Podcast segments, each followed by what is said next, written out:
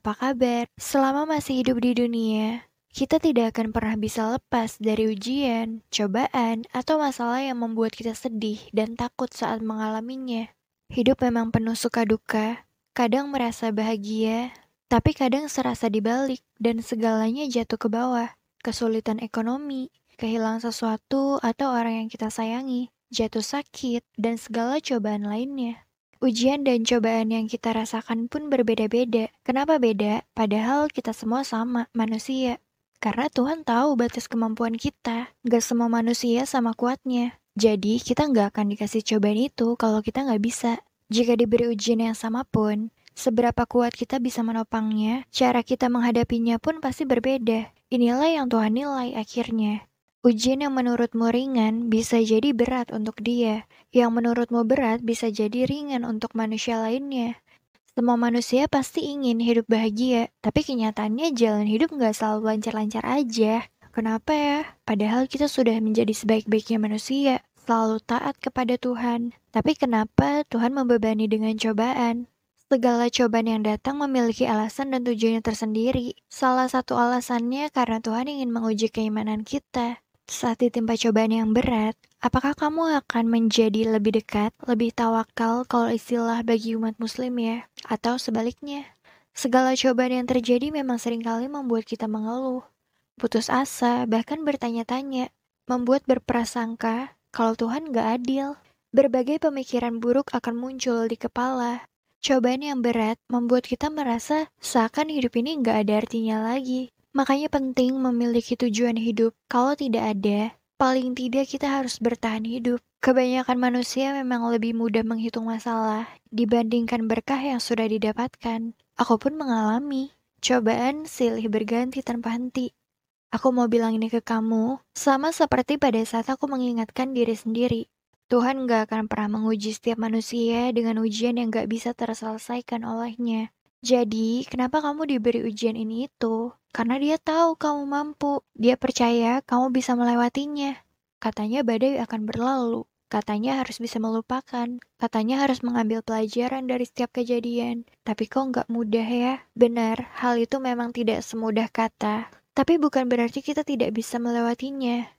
Kamu boleh nangis jika merasa tidak kuat lagi menghadapi cobaan yang ada. Karena ini bisa membuatmu lega, tapi bukan selesai masalahnya, makanya harus kembali bangkit setelahnya. Kembali berdiri dengan perasaan dan pemikiran yang lebih baik dari sebelumnya. Adanya rasa kecewa, kesedihan yang begitu menyiksa jiwa, sebenarnya melatihmu menjadi pribadi yang tangguh, tak pernah menyerah, dan gak gampang putus asa. Hatimu boleh patah, matamu boleh basah, tapi jangan pernah menyerah.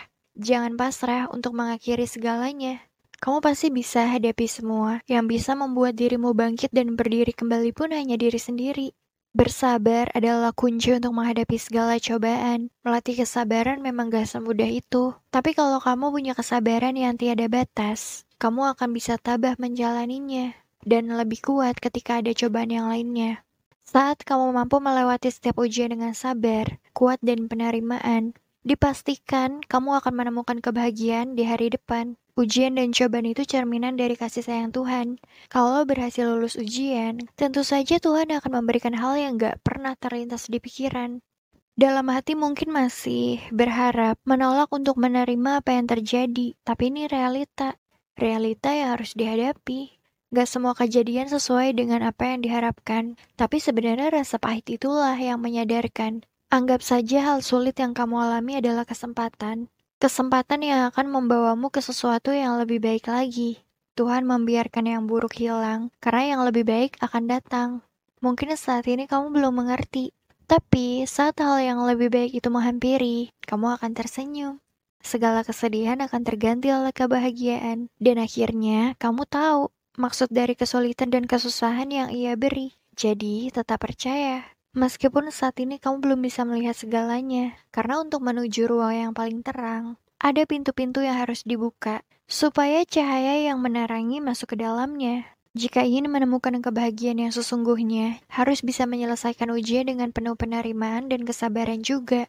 Jadikan setiap cobaan sebagai tangga untuk meraih pertolongan Tuhan. Yakinlah bahwa setelah ditimpa kesulitan, akan ada kemudahan. Sesulit apa pun hal yang kamu alami, pasti akan selesai nanti. Pasti ada jalan, asalkan tidak putus harapan. Asal percaya dan berusaha.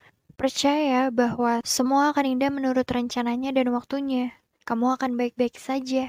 Memang ada hal yang tidak bisa kamu kendalikan dan kamu ubah, tapi yang ditakdirkan pasti diberikan. Yang hilang akan digantikan, yang sakit akan dipulihkan, yang berkurang akan ditambahkan. Yang diambil akan dikembalikan, yang salah akan diluruskan.